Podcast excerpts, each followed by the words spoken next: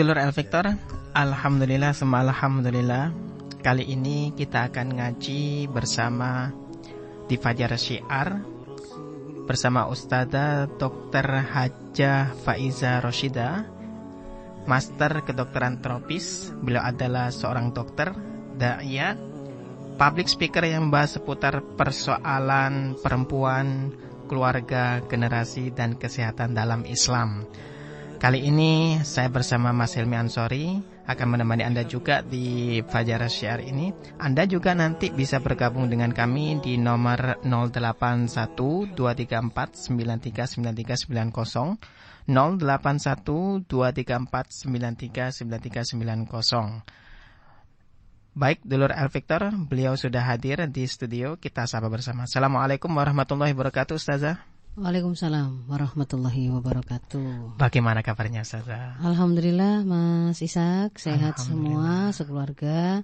Semoga dulur-dulur Victor okay. dan keluarga juga Mas Ishak sekeluarga juga dalam keadaan sehat walafiat. Amin amin amin ya rabbal alamin masya Allah. Masih semangat ya Ustazah? Insya Allah semangat. Yap, dulur Al Victor kali ini kita akan Ustazah kita kan ini kan mendekati liburan ya yang pastinya ya. Masya Allah banyak beberapa keluarga itu ataupun orang tua. Karena memang terbiasa dengan keadaan sekolah, belajar, mengajar itu tadi Ustazah. Hmm. akhirnya ketika liburan mereka agak bingung bagaimana mengkondisikan anaknya agar anak ini tadi bisa seperti sedia kala ketika waktu berada di sekolah baik itu belajar hmm. maupun berbakti kepada orang tua. Hmm. Topik untuk kali ini, ya. Baik, eh, hari ini memang insya Allah kita sengaja mengangkat apa yang menjadi kebutuhan oleh orang tua orang tua ya, hmm. ya aspirasi mereka terkait dengan bagaimana uh, para orang tua bisa mendampingi anak-anak mereka mm-hmm. uh, apa namanya menjalani liburan hari ini gitu ya dengan sebuah desain liburan yang tidak sekedar menyenangkan tetapi mm-hmm.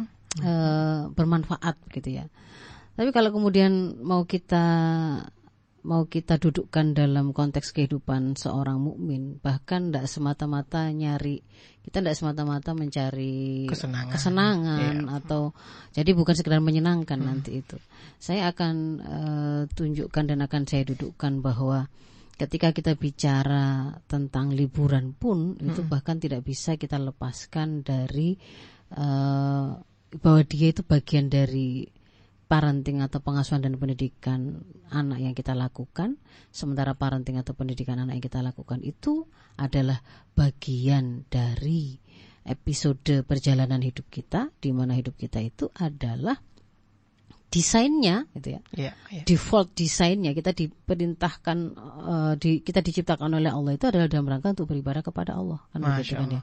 Yeah. Ya. Jadi uh, kalau mau disimpulkan hmm. seharusnya nanti liburan itu juga menjadi uh, apa sesuatu yang bernilai ibadah. Sesuatu, sesuatu yang bernilai, yang bernilai ibadah, ibadah. ya ya jadi seperti itu Mas Ishak. Kalau kemudian ya saya ingin langsung saja ya menyapa ya, kepada uh, para pendengar El Victor Zulzul El Victor Bismillahirrahmanirrahim. Assalamualaikum warahmatullahi wabarakatuh. Waalaikumsalam warahmatullahi wabarakatuh. Alhamdulillahirabbil alamin. Alhamdulillahilladzi arsala rasulahu bil huda wa dinil haqq liyudhhirahu 'ala dini kullihi wa kafa billahi syahida. Asyhadu an la ilaha illallah wa asyhadu anna Muhammadan 'abduhu wa rasuluh. Allahumma shalli 'ala sayyidina Muhammad wa 'ala ali sayyidina Muhammad. Rabbi surahli sadri wa yassirli amri wa halul min lisani yafqahu qawli amma ba'd. Alhamdulillah dulur Victor sekalian uh, yang sedang menyimak perbincangan kita pada pagi hari ini juga mungkin ada sahabat-sahabat atau teman yang sedang menyimak per, uh, perbincangan kita melalui akun Facebook kami juga yeah. atau di live streaming Radio El Victor Surabaya Mas Isak ya. Okay. Semoga semua dalam keadaan sehat walafiat, tidak kurang suatu apa dan uh, semua urusan kita diberkahi oleh Allah. Amin. Amin, amin, amin ya rabbal alamin. Alhamdulillah eh, hari-hari ini mungkin banyak di antara kita para orang tua yang sedang uh, sibuk ya. Mempersiapkan. Sibuk apa? Pertama kita yeah. mungkin bukan pekan-pekan ini mungkin akan terima rapot atau apa? Yeah. Laporan, uh, laporan eval dan evaluasi belajar dari anak-anak kita masing-masing. Satu sisi insya Allah akan menjadi sebuah kegembiraan tersendiri karena kita bisa melihat bagaimana sih uh, perjalanan anak-anak kita selama sekolah kemarin begitu yeah. kan ya uh, uh, mungkin saya nitip pesan sekalian kalau kalau uh, dulu Eric Victor orang tua menerima rapot anak-anaknya mm. jangan kemudian me membaca rapot tersebut ketika menerimanya itu dengan memposisikannya itu seperti sebuah vonis atas kualitas anak kita ya. Masya Allah. Karena sebenarnya setiap anak, setiap anak itu istimewa dan unik. Mereka pasti memiliki kelebihannya masing-masing dan kelemahannya masing-masing. Tugas kita itu para orang tua dan pendidik adalah menemukan setiap kelebihan yang dimiliki oleh anak untuk kemudian kita lejitkan Yeah. Dan kalau kemudian kita menemukan adanya kekurangan atau kelemahan, kita bantu dia untuk bisa mengatasinya. Tugas kita di situ. Jadi bukan Masya kemudian me, me, seperti memastikan bahwa ah, anak saya ini bodoh, anak saya ini pasti eh, nggak uh, kreatif, pasti nggak bisa lah masa depannya suram. Itu tidak boleh seperti itu. Semua anak itu diciptakan oleh Allah dengan kekhasan, kelebihan maupun kekurangannya masing-masing, tetapi yeah uh, yang menjadi bagian dari ikhtiar kita, yang menjadi bagian kewajiban dari kita untuk kita lakukan adalah berusaha membantu anak menemukan semua kelebihan-kelebihannya untuk kemudian kita lejitkan mm-hmm. dan membantu anak menemukan, mengenali kelemahannya, kekurangannya untuk kemudian kita bantu dia mengatasinya.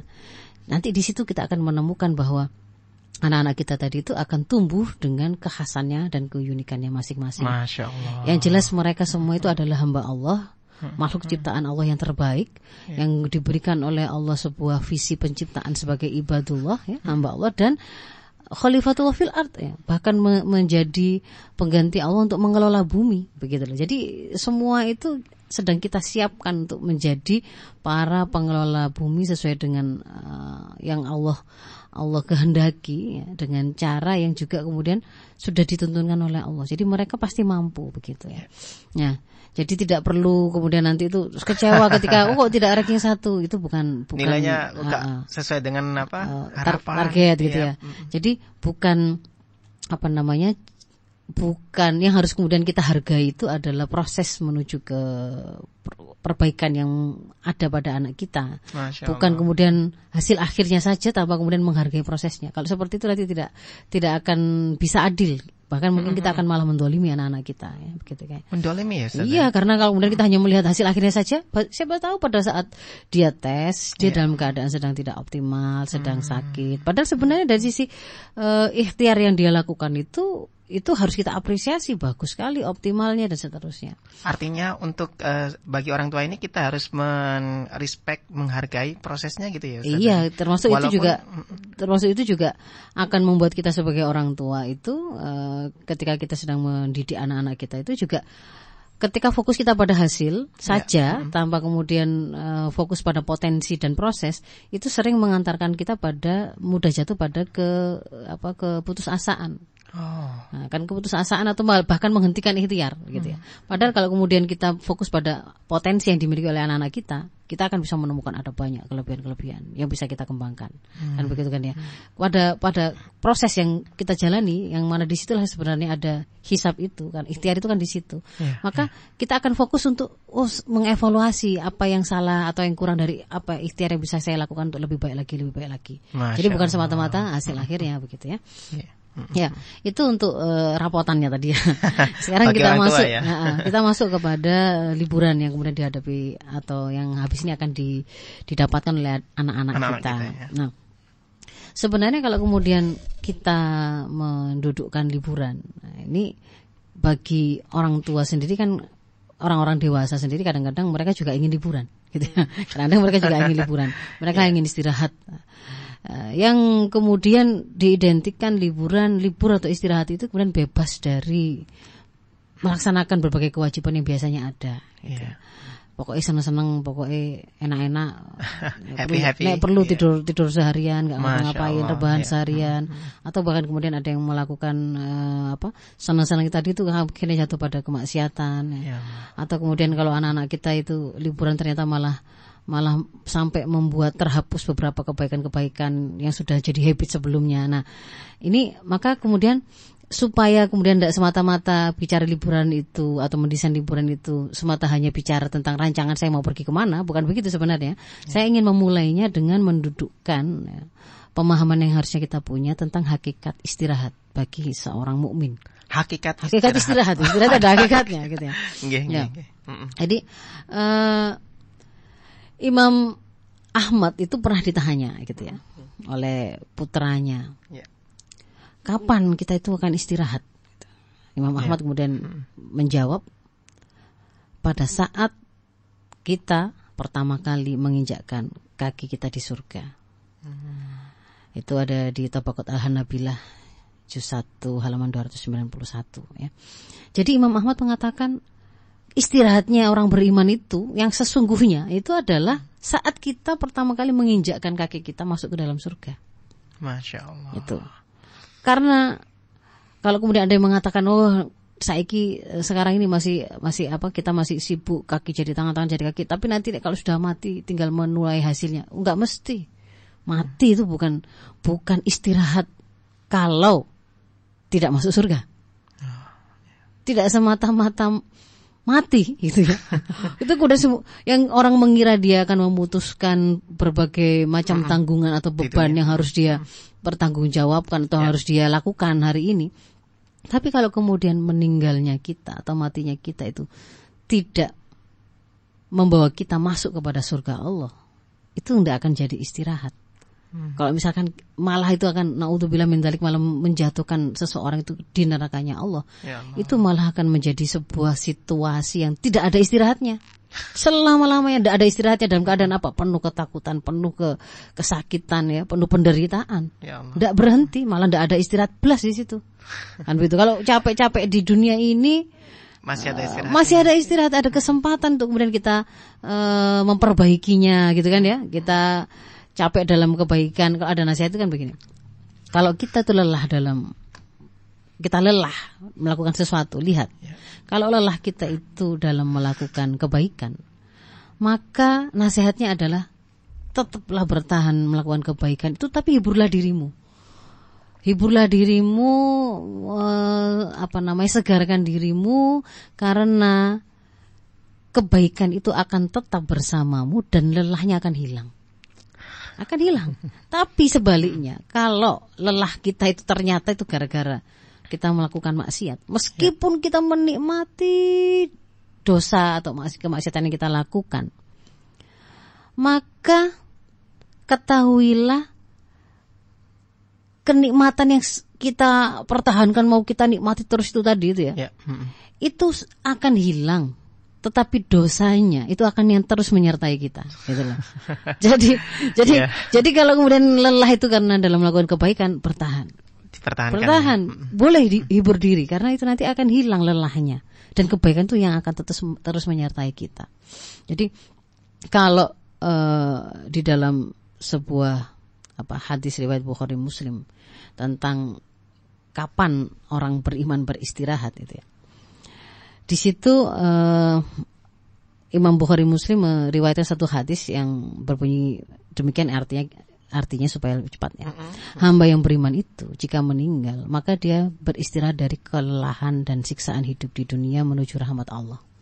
Sedang hamba yang pendosa, orang yang suka maksiat, fajir, hamba-hamba yang lain, negeri yang dia tempati berikut pepohonan dan hewan ternak akan beristirahat dari keburukannya. Jadi justru kalau orang itu ya orang rusak gitu ya, matinya dia itu membuat orang-orang lain, hewan-hewan, alam itu malah istirahat Bahagia dari kejahatan ya. dia. Ya. Tapi kalau bagi orang beriman, meninggalnya dia itu itu akan menjadi istirahat dia yang sesungguhnya, asalkan kemudian itu mengantarkan kepada surga, gitu ya. ya.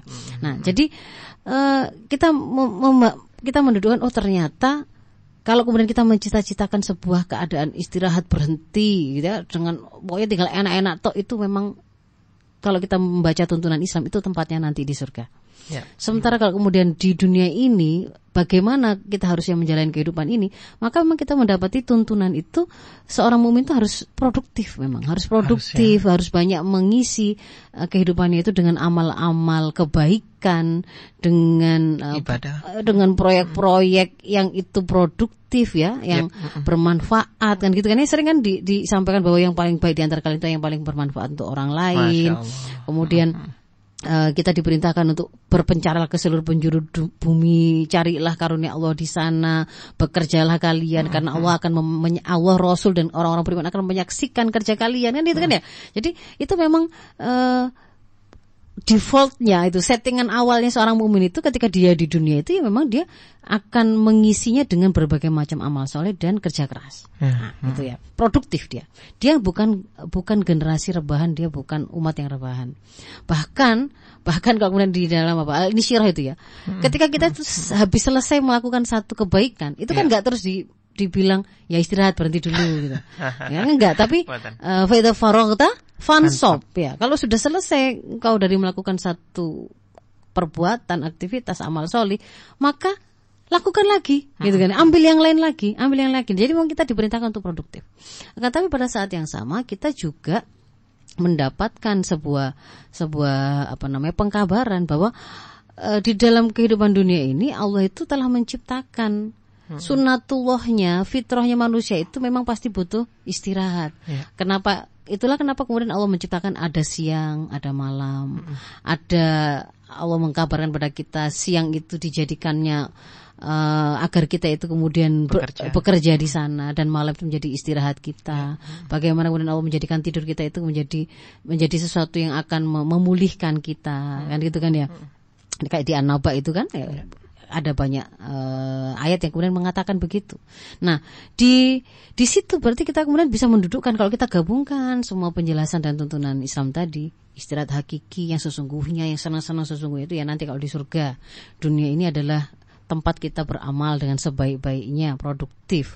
Tetapi memang kemudian Allah ciptakan kita itu dengan eh, fitrah penciptaan manusia itu ya memang memiliki rasa lelah Ya. tidak bisa kemudian terus-terusan gitu kan ya. Harus kemudian diberikan istirahat dan di situ ada meleknya ada tidurnya kan begitu kan ya. Manusiawi. sehingga kemudian kita di kita diajari untuk mendudukkan posisi liburan ya. Posisi eh, istirahat bagi seorang beriman itu adalah kebutuhan ya. Kebutuhan yang kita akan mengambilnya, kita memenuhinya untuk kemudian membuat kita itu kuat kembali mengambil amanah kehidupan berikutnya. Jadi gitu. Jadi Masya bukan Allah. bukan terus liburan itu terus wes Senang-senang semata gitu Ah, ya. akhirnya terputus dari filosofi surga nerakanya tadi, terputus dari eh, apa namanya visi penciptaan dia sebagai hamba Allah dan harusnya mengisi hidupnya dengan ibadah itu enggak begitu. Bahkan bicara liburan pun itu itu bagi seorang mukmin itu itu kebutuhan. Namanya kebutuhan didudukkan sebagai sebuah kebutuhan, bukan bukan hobi ya. Iya, iya. Bukan kesenangan, bukan apa? Bukan sesuatu yang menghabiskan seluruh isi hidupnya bukan, tetapi itu kebutuhan dipenuhi sesuai dengan kebutuhannya dan kita memenuhinya itu adalah dalam rangka apa? Agar menguatkan kita, menyegarkan kembali kita untuk kemudian mengambil kembali amanah kehidupan yang lain. Jadi filosofinya istirahat itu memang begitu. Seperti eh, misalkan onta dalam perjalanan kelelahan, lalu kemudian dia kita bawa untuk duduk kembali di situ dia dia minum, makan sampai kemudian cukup eh, terpenuhi kebutuhan tadi, sudah pulih kembali tenaganya, sudah kembali semangatnya, maka dia siap melanjutkan kembali. Perjalanannya. Jadi seperti itu. Nah, sama dengan eh, kita mendesain mau mendesain liburan ini tadi, baik untuk kita sendiri maupun untuk anak-anak kita ya. Jadi kalau saya sempat membuka eh, apa yang dimaksud dengan libur kalau dalam kamus besar bahasa Indonesia itu ternyata definisinya itu gini, bebas dari pekerjaan atau bebas masuk sekolah gitu. ya. Bebas dari pekerjaan atau bebas masuk sekolah. Jadi kalau orang kerja itu bebas dari kerjaannya, Kalau anak sekolah. kalau anak sekolah bebas dari masuk sekolah dan bebas dari segala eh, kewajiban-kewajiban yang mengikuti dari pekerjaan atau sekolah tadi. Sementara kalau bagi eh, orang beriman tadi, liburan itu adalah kebutuhan, dilakukan dalam rangka menguatkan diri untuk melanjutkan amanah kehidupan.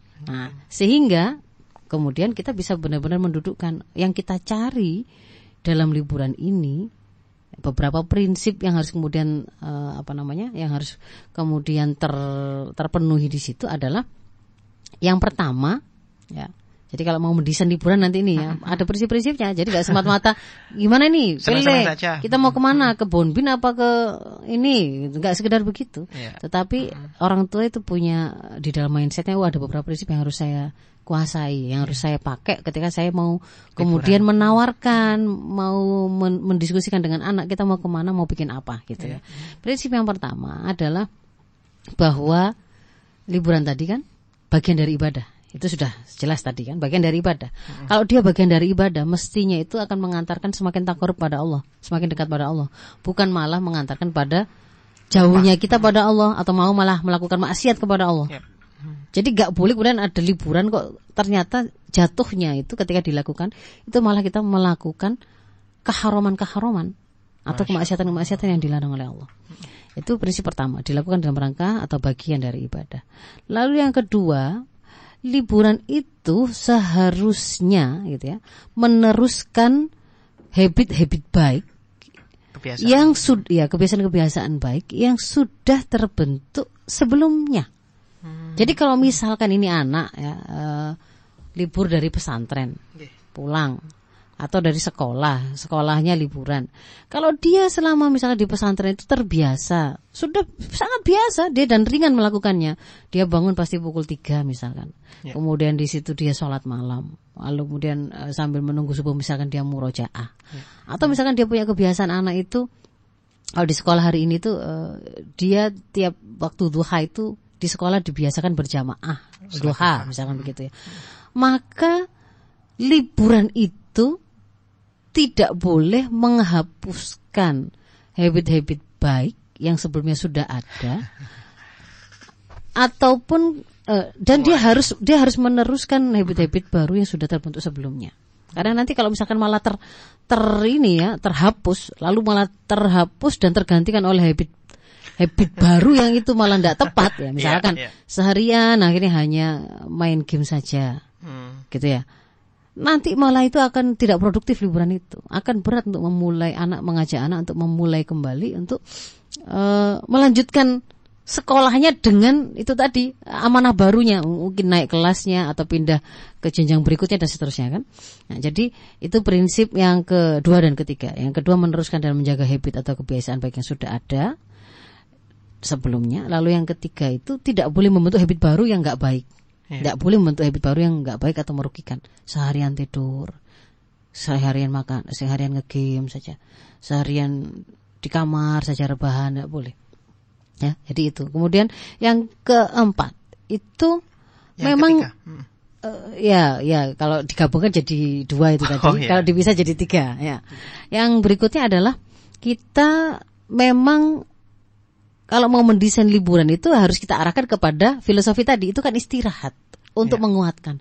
Maka desainnya itu memang harus harus uh, berupa kegiatan begitu ya atau program-program yang akan menghilangkan kelelahan, hmm. kebosanan gitu ya. ya. Bayangkan ini kadang-kadang orang tua itu juga kurang nyadari gitu ya ketika anak-anak itu kemudian mulai dimasukkan ke sekolah formal, bahkan ada yang memulainya itu secara sangat dini ya, tiga tahun itu kemudian sudah dimasukkan sekolah formal, nggak diajari di rumah atau dalam bentuk main-main, tapi langsung dalam sekolah yang terstruktur gitu ya, tiga tahun hmm. mungkin playgroup, habis itu uh, PAUD, ya. PAUD ya, TK, TKA, TKB, itu kan begitu mereka dimasukkan ke sekolah formal begitu, itu kan proses itu terus jalan terus itu. Mereka mulai hmm. Mulai masuk ke dalam apa namanya siklus sekolah yang nggak ada berhentinya sampai besok loh. Sampai besok. coba saya yeah. Sampai selesai kuliah coba. Iya pasti.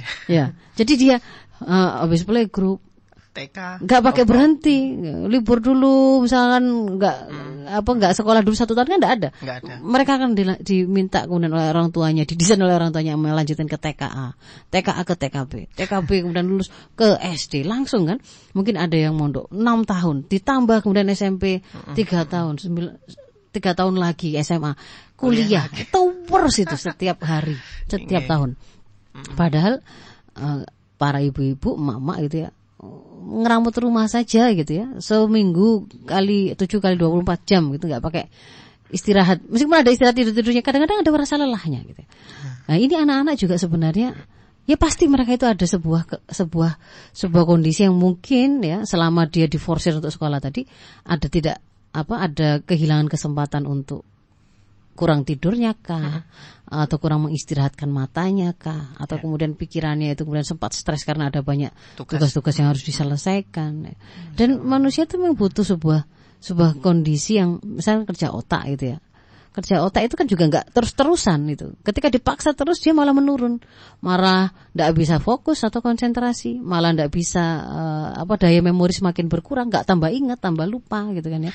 Sehingga itu obatnya itu sebenarnya cuman bukan penyakit itu cuman diberi kesempatan istirahat sudah recovery Nah, maka filosofi mem- me- memulihkan, menyegarkan, menyehatkan kembali, menguatkan itu loh yang kemudian harus didesain dalam liburan itu. Ya memang jangan malah nambah sesuatu yang malah nggak garai pikiran, tambah jadi beban baru ya, stres baru enggak. Iya. ya, jadi memang desainnya memang untuk me- me- ini Istirahatkan ya, menyegarkan, menyegarkan. menguatkan gitu ya supaya anak kemudian siap menyelesaikan amanah yang akan datang. Nah, kemudian yang berikutnya eh jadikan liburan ini karena liburan ini kan biasanya dia adalah sebuah ad- identik dengan ada kesempatan yang lebih banyak ketimbang hari-hari lain ketika tidak sedang dalam liburan karena ada rutinitas tertentu yang tidak ada. Nah, Iya. berarti kan ada sebuah kesempatan yang luang lebih. Maka jadikan kesempatan itu untuk membangun kedekatan dan interaksi berkualitas bersama saudaranya kah, or- orang tuanya kah, bahkan dengan tet- lingkungan tetangganya gitu loh. Jangan sampai kemudian eh sudahlah setiap hari sebelumnya itu tuh orang tua sama anak itu hampir nggak pernah ada kesempatan ngomong karena sibuk sendiri-sendiri. Saudara dengan saudara bahkan kalau komunikasi itu lewat HP gitu ya. Wah, apa namanya dipanggil ibu gitu ya. Ada disuruh makan itu lewat WA lewat WA misalnya begitu. Padahal satu rumah satu eh, sa- hanya lokasi ya. satu lokasi begitu. Masya Sampai kemudian tidak sempat karena alasan sibuk tadi. Maka kalau liburan itu ya jangan sampai itu terus terus tersia-siakan malah mereka tambah semakin asik dengan gadgetnya masing-masing terus nggak pernah ngomong malah nggak boleh seperti itu. Termasuk eh, me- me- men- apa menjadikan kesempatan itu anak anak-anak kita untuk bersosialisasi dengan teman-temannya di lingkungan pertetanggaan. Jangan sampai tetangga kita itu taunya anak kita itu pada waktu lahiran ya, karena ditelik lahiran gitu. Mungkin akikoh, ha, habis itu sunat gitu. habis itu nanti nikah gitu. Masya Allah. Jadi tahunya itu karena momen-momen yang kemudian kita hanya menghadirkan mereka dalam undangan-undangan seremonial itu. Tapi sehari-hari mereka tidak pernah tahu, tidak pernah lihat, tidak pernah anak kita itu sak biroh gitu tidak tidak pernah ketahuan gitu ya. Jadi itu yang berikutnya. Jadi harus jadi kesempatan untuk mendekatkan dengan keluarga. Lalu yang berikutnya, jadikan liburan itu harus menjadi kesempatan untuk merealisir target pembelajaran. Target pembelajaran sesuai tahapan tumbuh kembang masing-masing. Nanti akan beda-beda. Kalau kita mendesain liburan itu anak-anak saya anak saya habis playgroup ke TK atau TK mau ke SD, SD ke SMP kan beda-beda dengan yang kemudian anak saya anak kuliah sedang liburan. Nah, itu beda-beda. Target masing-masing itu sesuai dengan tumbuh kembangnya, sesuai dengan fasenya. Nanti saya terangkan di belakang.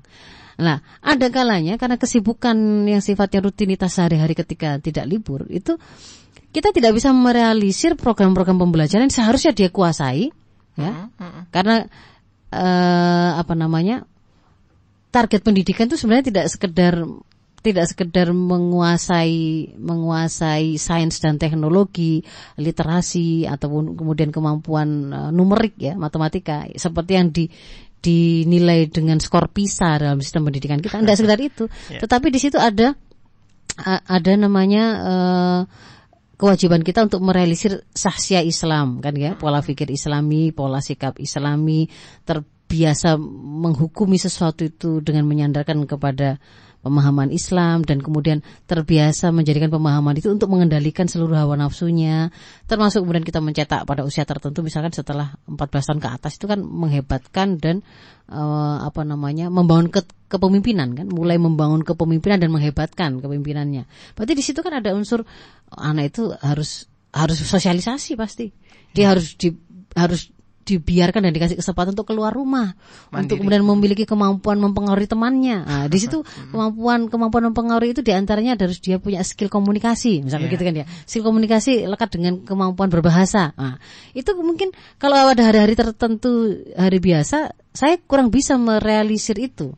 Oh, mungkin bisa itu di liburan ini untuk kita pakai itu bagaimana penguasaan berbahasa dia atau komunikasi dia misalnya begitu atau kalau misalkan ini eh, apa namanya anak playgroup menuju SD nah Bagaimana kalau SD itu kan sudah mulai terstruktur dan lebih lebih strict ya anak harus duduk harus duduk lebih manis gitu kan ya. Dia mungkin sudah mulai lebih banyak menulis. Nah, sementara TK itu masih masih relatif lebih longgar kan gitu kan lebih banyak main. Bagaimana kesiapan dia untuk bisa duduk manis, bisa menggerakkan tangannya. Wah, kalau begitu karena ini persiapan menuju ke sekolah itu, saya akan mendesain mendesain apa namanya eh, liburan itu agar anak anak saya itu ini motorik halusnya itu semakin terasah gitu dengan cara bermain-main yang dia senangi. Nah, begitu kan? Motorik halus itu misalkan dia membentuk-bentuk istana pasir, nah, gitu kan ya? Atau dia Iya. menjum, mem- mengambili mem- mengambili kerang-kerang dan memilahnya. Itu sebenarnya itu bagian dari Motorik. eh, motorik, motorik kasar, motorik halus, koordinasi mata, tangan dan seterusnya seterusnya. Itu kalau memang kemudian oh jarang-jarang kemudian kita itu ada kesempatan untuk eh, ini misalkan merealisir target eh apa silah rohim ya. Kan kita harus pertama itu bangun kepemimpinan itu kan dari yang terkecil dulu dalam keluarga lalu kemudian keluarga besar lalu kan kemudian juga sampai ke masyarakat luas kan.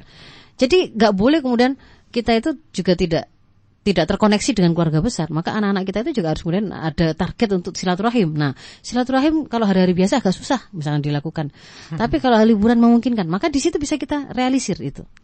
Misalkan juga ada eh, kemandirian. Nah, kemandirian. Kalau hari biasa susah, tapi kalau kalau liburan ini saya bisa memungkinkan anak saya, saya coba mungkin satu hari dua hari nginep di rumah saudaranya supaya tidak mbok-mboken gitu ya. Tidur gak pakai dikelon ibunya atau bapaknya itu dia belajar di situ. Belajar Atau kalau yang sudah remaja itu kan dia sudah harus pernah melakukan safar, diajari mungkin naik kereta komuter gitu ya. Datang ke ini. Sendiri ya? Ah, sendiri. Kita mungkin kita mungkin mencermati dari jauh ini kita kasih tahu ini beli tiketnya di sini lalu kamu nanti begini selama perjalanan itu kira-kira begini. Nah itu contoh-contoh yang oh kalau begitu harus eh, merealisir target pembelajaran sesuai tahapan tumbuh kembang yang memang tidak memungkinkan dilakukan pada saat tidak liburan. Lalu yang berikutnya, prinsip yang berikutnya itu adalah ya kreatif kreatif kreatif itu artinya tidak ada tidak ada sebuah pola tertentu atau kesaklekan ya harus harus kalau liburan identik dengan ke, ama, ke, ke alam atau ke Pantai. bagi orang tertentu bahkan kalau liburan sekolah itu luar negeri misalnya begitu ya. nggak nggak harus seperti itu gitu ya tapi kekreatifan kekreatifan ini silahkan disesuaikan dengan kemampuan ya, sumber daya yang kita punya dan kondisi lapang kita masing-masing karena bisa jadi begini kalau misalkan eh, misalkan tadi ya mau merealisir target eh, pembelajaran bahasa tadi Eh, supaya kemudian saya lancar saya anu saya butuh bisa lancar berbahasa Arab atau Inggris misalnya begitu kan ya. Kalau pada orang-orang yang kemudian merasa sumber dayanya misalkan anak-anak sultan ini ya. Nah, mereka juga malah nggak merasa nggak merasa berlibur kalau hanya berkeliling di dalam negeri misalkan ini misalkan. Sementara memang mereka punya Oh gitu gini aja sekalian belajar bahasa Inggrisnya mau ke mana ke milik ke Australia atau mau ke mana begitu. Misalkan ya. Iya. Itu udah kemudian udah harus seperti itu begitu loh Oh. mau tergantung kondisi kita, sumber daya kita, situasi lapang kita. Kalau memang kemudian kita tidak ada kesanggupan untuk seperti itu, tidak harus dipaksakan begitu. Mungkin Iya. bisa nak kamu nanti ngomong ngomong dengan bule di tempat, misalkan di tempat wisata tertentu mana. Jadi hunting bule di Bromo, misalnya begitu ya. Ada kan, saya dulu waktu les bahasa Inggris itu di dibawa aja gitu di antara di antara program itu dibawa ke tempat wisata disuruh Cari ngo- itu. nah, cari bule ngobrol dengan bule misalkan begitu. Atau misalkan eh, atau mungkin kita bawa ke apa kampung Inggris atau kampung Arab kan gitu kan? Hmm, jadi gak harus ke Medinahnya langsung. Gak harus keluar negeri. Gak harus ke luar negeri tetapi bisa kemudian begitu Iya. atau juga contoh faktor yang mempengaruhi itu kondisi lapang kita itu misalkan orang tua ini bekerja dengan beda tentu berbeda dengan orang tua yang dia tidak bekerja misalnya begitu kan ya? Nah, jadi mau mendesain kalau kemudian harus ngancani ke mana-mana nggak bisa karena orang tua tidak dalam keadaan memiliki cuti se- se- sepanjang anak. Anak gitu kan. iya. Tapi kalau kemudian saya tinggal ke kerja, dia ada di rumah saja, saya malah khawatir dia nanti dengan gadgetnya. Masya oh, berarti mungkin pilihannya adalah eh, saya me- mema- memasukkan dia ke dalam program liburan yang sudah langsung sifat itu agak panjang, mungkin harinya 3-5 hari gitu ya. Tapi di situ tuh sudah terdesain dengan kurikulum ada bermainnya, ada seger-segernya, senang-senangnya, tetapi juga di situ mungkin ada install sakofa Islamnya, eh, install akidah Islam dengan tadabur alamnya. Jadi mungkin kayak pesantren kilat kah, pesantren liburan Tetap kah. produktif ya. Iya, jadi itu itu malah lebih aman daripada dia di rumah misalnya begitu. Jadi pilihan ini itu tergantung kepada eh, kondisi masing-masing. Itu prinsip yang terakhir ya untuk menentukan bagaimana kita mendesain liburan. Yep. Apa ini jam berapa ini, Mas? Bisa? Kita break dulu Break Ustazah. dulu ya. Yep. Baik, kita break dulu ya. Baik, dulur Al Victor, Anda juga nanti bisa bergabung dengan kami di 081234939390 tentang liburan ini memang seharusnya menguatkan beberapa prinsip tadi disebutkan oleh Ustazah Faiza yang pastinya ini bermanfaat bagi orang tua-orang tua untuk mempersiapkan liburan mendesain anaknya agar anaknya ini memang berada di jalur yang produktif, terutama produktif yang diajarkan oleh agama kita Islam gitu ya. Baik, kita akan kembali lagi setelah jeda berikut ini. Yang selalu bikin cinta hanyalah satu Yang selalu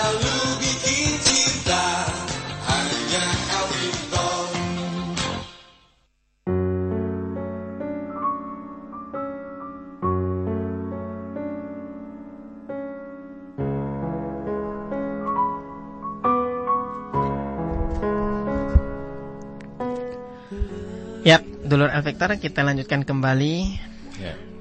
di kajian ini bersama Dokter Haja Faiza Rosida. Yang pastinya ini menyangkut mengenai liburan yang seharusnya memang menguatkan bagi anak-anak. Baik Ustazah, sudah ada pertanyaan masuk. Waalaikumsalam warahmatullahi wabarakatuh. Saya tertarik dengan apa ya? Bentar Mas, ya. sebelum ke sana.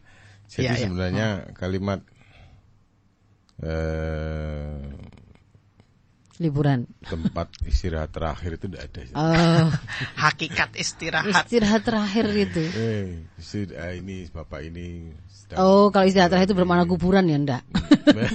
Tapi istirahat terakhir itu ya adalah berakhir di surga atau neraka. Nanti Maka ya. yang dikatakan sebagai istirahat itu kalau di surga. Karena kalau berakhir di neraka nggak istirahat. Paham tadi. Nggak ada Nggak istirahatnya. ada istirahat Jadi tambah. selama ini salah kaprah atau salah Ah, ngomong betul. ya? ha-ha. Eh, Orang bapak ini bahkan sudah menuju ke peristirahatan terakhir. Ah, betul. Termasuk sampai kenapa orang kemudian ada yang sampai bunuh diri kemudian berharap itu menyelesaikan semua Menyelesaikan tanggungan-tanggungan masalah-masalah. dan Tidak, masalah. Selesai malah. Tidak selesai. Berkepanjangan. Malah dia akan ketemu dengan situasi pertanggungjawaban yang hakiki, kan, gitu kan? hitungannya detil. Kalau Masya kemudian ada Allah. kesalahan di situ juga ada akibat yang harus dia tanggung dan selama lamanya. Itu Itu. juga orang-orang yang sakit kemudian pengen mati itu Ah, sebenarnya bukan malah apa Mengistirahatkannya. mengistirahatkan mengistirahatkannya ya. enggak. Malah, Tapi kalau kemudian dia eh, lelah dengan sakitnya, hmm, Ya. lelah dengan sakitnya tapi kemudian dia tetap bertahan dengan kebaikan bersabar berarti kan dia tetap Menerima ya. tidak kemudian terus bunuh diri tadi ya. tetap bersabar dengan sakitnya tadi meyakini itu kebaikan dari Allah. Ada dosa-dosa yang dosa-dosa yang dihapuskan dan digugurkan dengan sakitnya pahala-pahala yang didapatkan dengan sakitnya tapi bisa jadi tidak didapatkan dengan hal-hal yang lain kan begitu kan ya. Gitu ya. dia meyakini itu bertahan dengan kesakitannya maka kebaikan itu akan tetap bersamanya. Lelahnya atau sakitnya itu akan hilang. Ada saatnya hilang gitu Mas Ilmi. Gitu ya. entah sembuh Ya. entah man- meninggal. Tapi asalkan itu tadi tetap dalam kebaikan ya kalau meninggal kan berarti memang lelahnya sakit tadi hilang. Tetapi kebaikannya kan akan tetap sama dia. Terus. terus meskipun dia meninggal. Lelahnya ini sementara Ah, begitu ya. tapi kalau kemudian dia salah salah sikap itu Nah, tadi yang akan membersamai dia seterusnya itu dosanya. Sementara Nah. kenikmatan yang dia cari itu hilang. Berarti tidak ikhlas dengan sakitnya kemudian pengen segera me iya di antaranya hidupnya itu, nggih. iya. Allah. Hari ini menjadi fenomena yang banyak ya, Mas Emil ya. Gak sekedar sakit, gak sekedar sakit, tapi apa? Karena situasi ini loh, tuntutan ekonomi yang berat. Iya. Itu Oh, juga iya. Kondisi juga Iya. ya. Saya kemarin eh, ikut satu semalam ya ada ikut dalam sebuah pelatihan itu kemudian kan itu terkait dengan bagaimana melakukan manajemen stres itu kemudian ada yang menyampaikan di tempat saya kerja ini jadi dia tuh stres karena di tempat kerjanya itu kok tiba-tiba banyak orang yang bunuh diri teman-temannya itu Hmm. bunuh diri bunuh diri satu persatu dan seterusnya jadi kayak penyakit menular Hmm. Nah, itu situasi seperti ini sebenarnya menunjukkan ada yang tidak baik-baik saja dengan Depresi itu ya. cara hidup kita ini ya. ada ada yang tidak baik-baik saja tapi itu mungkin kapan-kapan ya dibahasnya ya hari ini Ini juga menarik tadi Ustaz. iya Orang ber- berlibur itu kan eh Bagian akhirnya dari kan akhirnya terhibur. ah betul Kan, ya. ya Ya, kalau jelasan jenengan tadi, oh kok gak ada terhiburnya ini ya. Justru gitu. justru harus harus harus mendesain liburan yang terhibur yang menyegarkan tetapi tidak melepaskannya dari perjalanan Tadi itu ya. itu tadi Ah, itu bagian dari itu kita itu mendudukkannya itu bukan istirahat abadi itu bukan istirahat hakiki tetapi itu kebutuhan kita penuhi untuk membuat kita kuat kembali lah mengambil amanah baru memang begitu akhirnya memang nggak kayak istirahat berarti ya memang karena iya, tuntunannya tadi istirahat ya. disuruh produktif Hmm. kalau kemudian istirahat itu untuk produktif lagi kan gitu kan Iya, ya iya. jadi bukan terus mandek leren dhisik lah Lepas semuanya. ambaannya soalnya nggak leren dhisik nafasnya kan nggak berhenti dulu Jadi istilah layah-layah DC itu, wah. Nggak bisa ya. eh, nanti dulu, Wah, ini harus ada produktif itu. Nah, silakan tidur, silakan makan, silakan eh, leyes-leyes, silakan nyari sinar matahari. Setelah kamu kuat, gitu kan ya, berangkat. Kan begitu. Jadi memang itu kebutuhan, Mas Elmi. Hmm, hib- Hiburannya di mana tuh Ustaz? Itu tadi kita kita makan itu sebenarnya kan memenuhi kebutuhan itu terhibur Hibur, sebenarnya. ya. Tapi kalau menjadikannya sebagai apa? gaya hidup. Jadi Oh, iya. tujuannya ya. Eh. Akhirnya kan gini. eh meng- menghunting spot kuliner terbaik di seluruh penjuru dunia. Misalnya, kan dijadikan sebagai itu adalah misinya, kan lain kan? Menyiksa akhirnya kemudian ya. Enggak sekedar bukan menyiksa itu dia dijadikan cita-cita. Jadi dia kerja keras, ngumpulkan uang, tujuannya cita-citanya Hunting. adalah traveling ke seluruh dunia, hunting spot terbaik untuk berenang kah, hunting spot terbaik untuk kuliner kah. Nah kalau ini kayak begitu dan dalam dalam kampusnya seorang muslim tidak ada, tidak begitu. Bukan begitu. ya. Nah, itu ya. Nggak Ya, begitu. salah berarti ya. Nah, eh, tidak begitu memang. Harus belajar lagi. ya, alhamdulillah kita mendapatkan pencerahan ini hari ini. Baik, Kita ke tel- eh, telepon ya atau ya? WA ada dua pertanyaan sebenarnya ini. Ini, Yang pertama, Assalamualaikum Ustazah. Waalaikumsalam. salam. Anak saya perempuan lulusan SMP swasta dan si anak rata-rata rata-ratanya 9,5 nilainya ini ya. Oh, rapotnya. Si anak ini ingin melanjutkan di pondok sambil sekolah. Namun orang-orang sekitar saya seolah-olah menyayangkan anak saya dengan nilai yang bagus tapi gak sekolah di negeri. Padahal anak dan saya bertekad memperkuat agama juga ingin lebih berbakti kepada almarhum ayahnya. Alhamdulillah anak saya sudah saya daftarkan di pondok. Apa yang bisa saya lakukan dengan kondisi lingkungan yang demikian? Iya. Ya. Iya. Sebenarnya ini situasi yang kalau mau jawaban yang apa namanya yang gampang gitu ya, tapi juga sebenarnya itu membuat berpikir atau menggelitik. Itu sebenarnya yang nyekolahkan, yang bayari sekolahnya, pesantrennya. Ya? Ya, begitu ya. Yang yang kemudian memberi makan sang anak, memberi baju kalau kemudian ada masalah, siapa yang membantu? Itu tonggonnya apa ibunya? Iya. Kalau kemudian ibunya, i- ata- apa kata tetangga tadi sebenarnya tidak perlu didengarkan, gitu loh. Nggak perlu Tidak perlu didengarkan. Kita itu hanya akan kita perlu mendengarkan kalau sesuatu itu kebaikan. Hmm. Tapi kalau kemudian sesuatu itu melemahkan, sesuatu yang negatif itu langsung filter saja, tidak usah dimasukkan. Karena itu sebenarnya akan mempengaruhi juga cara berpikir kita. Itu tadi kan kayak gitu tadi ya, contohnya ya. Iya. Woi mana-mana ini oh, anak itu begini pintar. Dikiranya pondok itu isinya area-area goblok-goblok gitu. dikiranya itu. kemudian eh, dikiranya kem- kalau kemudian eh, anak apa namanya di pesantren itu pasti kemudian dia masa depannya itu berarti pasti akan jadi buruk gitu atau masa depan suram. Itu sebenarnya ada yang tidak tepat pada eh, pola pikir orang-orang itu tadi begitu. Tetapi saya ingin menunjukkan yang pertama untuk menguatkan ya. Jadi ibu lah sebenarnya yang menjadi penanggung jawab dari pendidikan sang anak bukan tetangga. Maka karena penanggung jawaban itu kepada Allah bukan kepada tetangga, sebenarnya pakai ukuran apa gitu ya? Ukuran apa yang mau kita pakai untuk menentukan saya salah ataukah tidak tepat ataukah benar? Itu pakai ukuran rambu-rambu yang diberikan oleh Allah saja. Tidak usah pakai apa kata orang. Hmm, ya. amanah itu kan kita dapatkan dari Allah. Iya.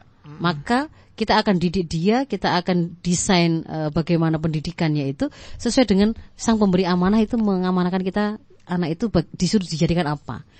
Kalau desain dari yang menciptakan anak kita, yang memberi amanah anak kita, itu satu, anak kita itu harus dicetak untuk jadi ibadullah. Ada ayat 56, ya kan?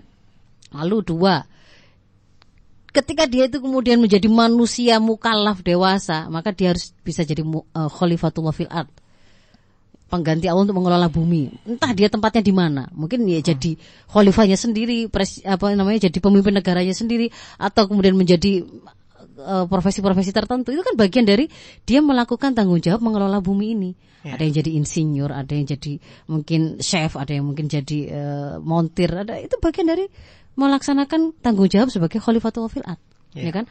Ahli kehutanan, ahli perikanan, ahli macam-macam. Khalifah itu ya. Iya. Kemudian yang ketiga, eh, desain atau visi anak kita, visi generasi yang ditetapkan oleh Islam itu disuruh menjadi generasi tangguh, tidak boleh lemah, Nah, harus kuat, itu kan ya. Nggak, eh, nggak di Anisa 9 itu, kita tidak boleh meninggalkan anak-anak kita dalam keadaan lemah. Itu lemah apanya? Semuanya. Nggak boleh, harus tangguh itu ya. Tangguh itu pertama itu bangunan ketangguhan itu apa? Justru adalah kesadaran dia akan hubungan dia dengan penciptanya. Pondasi itu ya. Pondasi itu justru. Lah itu yang diharapkan oleh sang ibu untuk dia dapatkan ketika dia mau me- memondokkannya tadi kan. Iya.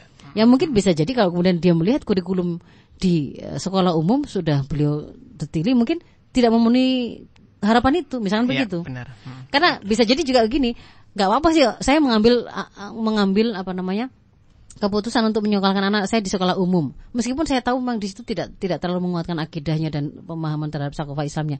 Tetapi saya ambil resiko itu karena nanti saya akan pen- saya akan penuhi dengan cara lain. Iya. Misal sekolahnya itu di situ, tetapi untuk install sakofa. Islam untuk untuk untuk akidahnya saya kuatkan itu sendiri dengan Ya. bapaknya, dengan guru yang saya hadirkan dan begitu. Yang jelas kalau seperti ini kan berarti dia masih tetap melaksanakan kewajiban bahwa orang tua itu adalah penanggung jawab Iya. anak-anaknya gitu kan ya.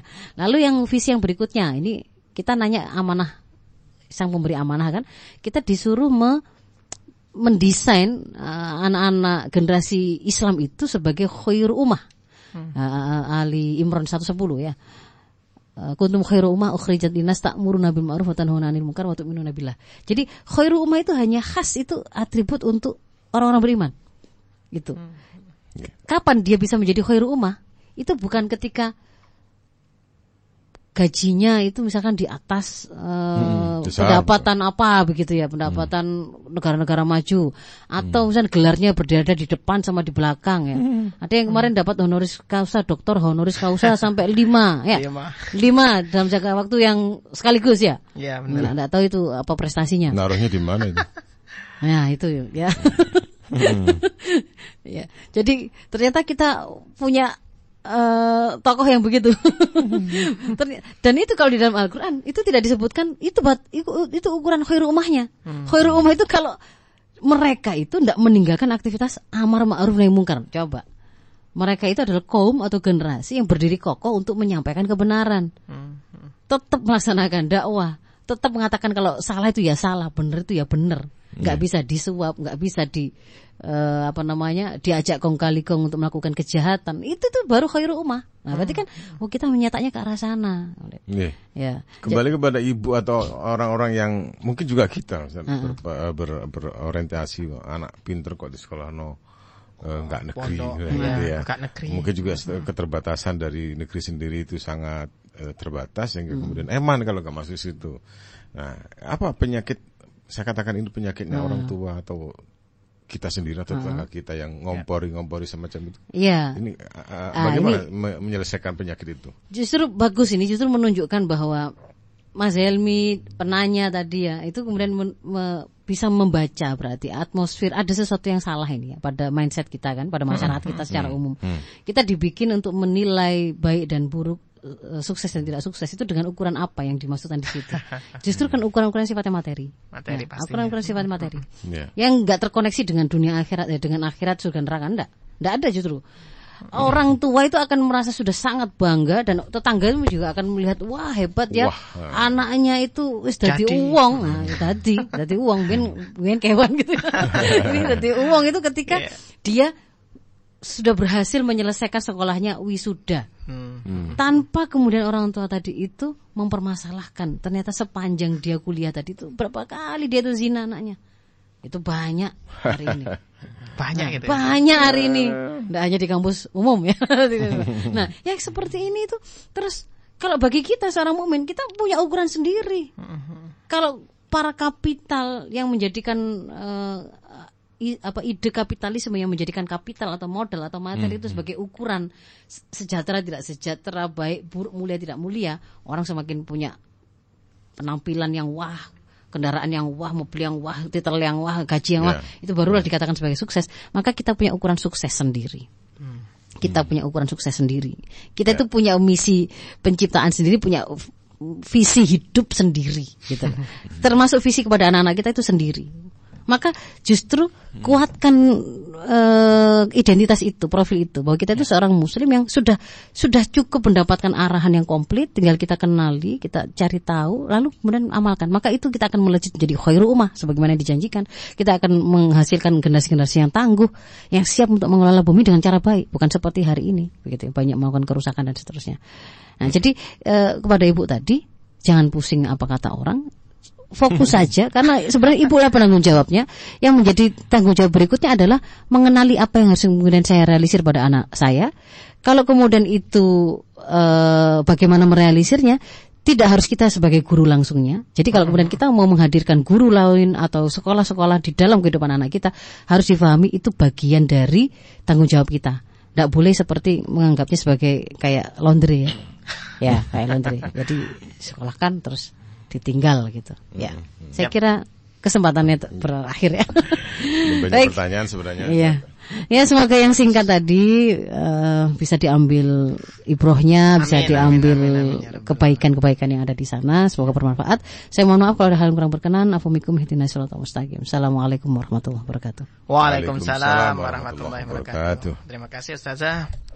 Alhamdulillah. Ini penting bagi orang tua ya. Mhm. Kan Terutama sudah jadi orang tua. Waduh. Iya. Ya orang tua yang punya anak, yang punya titipan dari Allah Subhanahu Wa Taala. Masya Allah. Harus diajarkan sesuai dengan apa yang diperintahkan oleh Allah Subhanahu wa taala ya. Sang pemberi amanah. Mm-mm. Sang pemberi amanah. Yap. Terima kasih. Terima kasih dulur Al Victor. Insya Allah kita akan ketemu lagi Iya, di besok. lain hari. Ya. Saya harus pamit ya. Saya Ilmi Ansari. Dan saya Ishak. Allahul muwaffiq ila thariq. Wassalamualaikum Assalamualaikum warahmatullahi warahmatullahi wabarakatuh.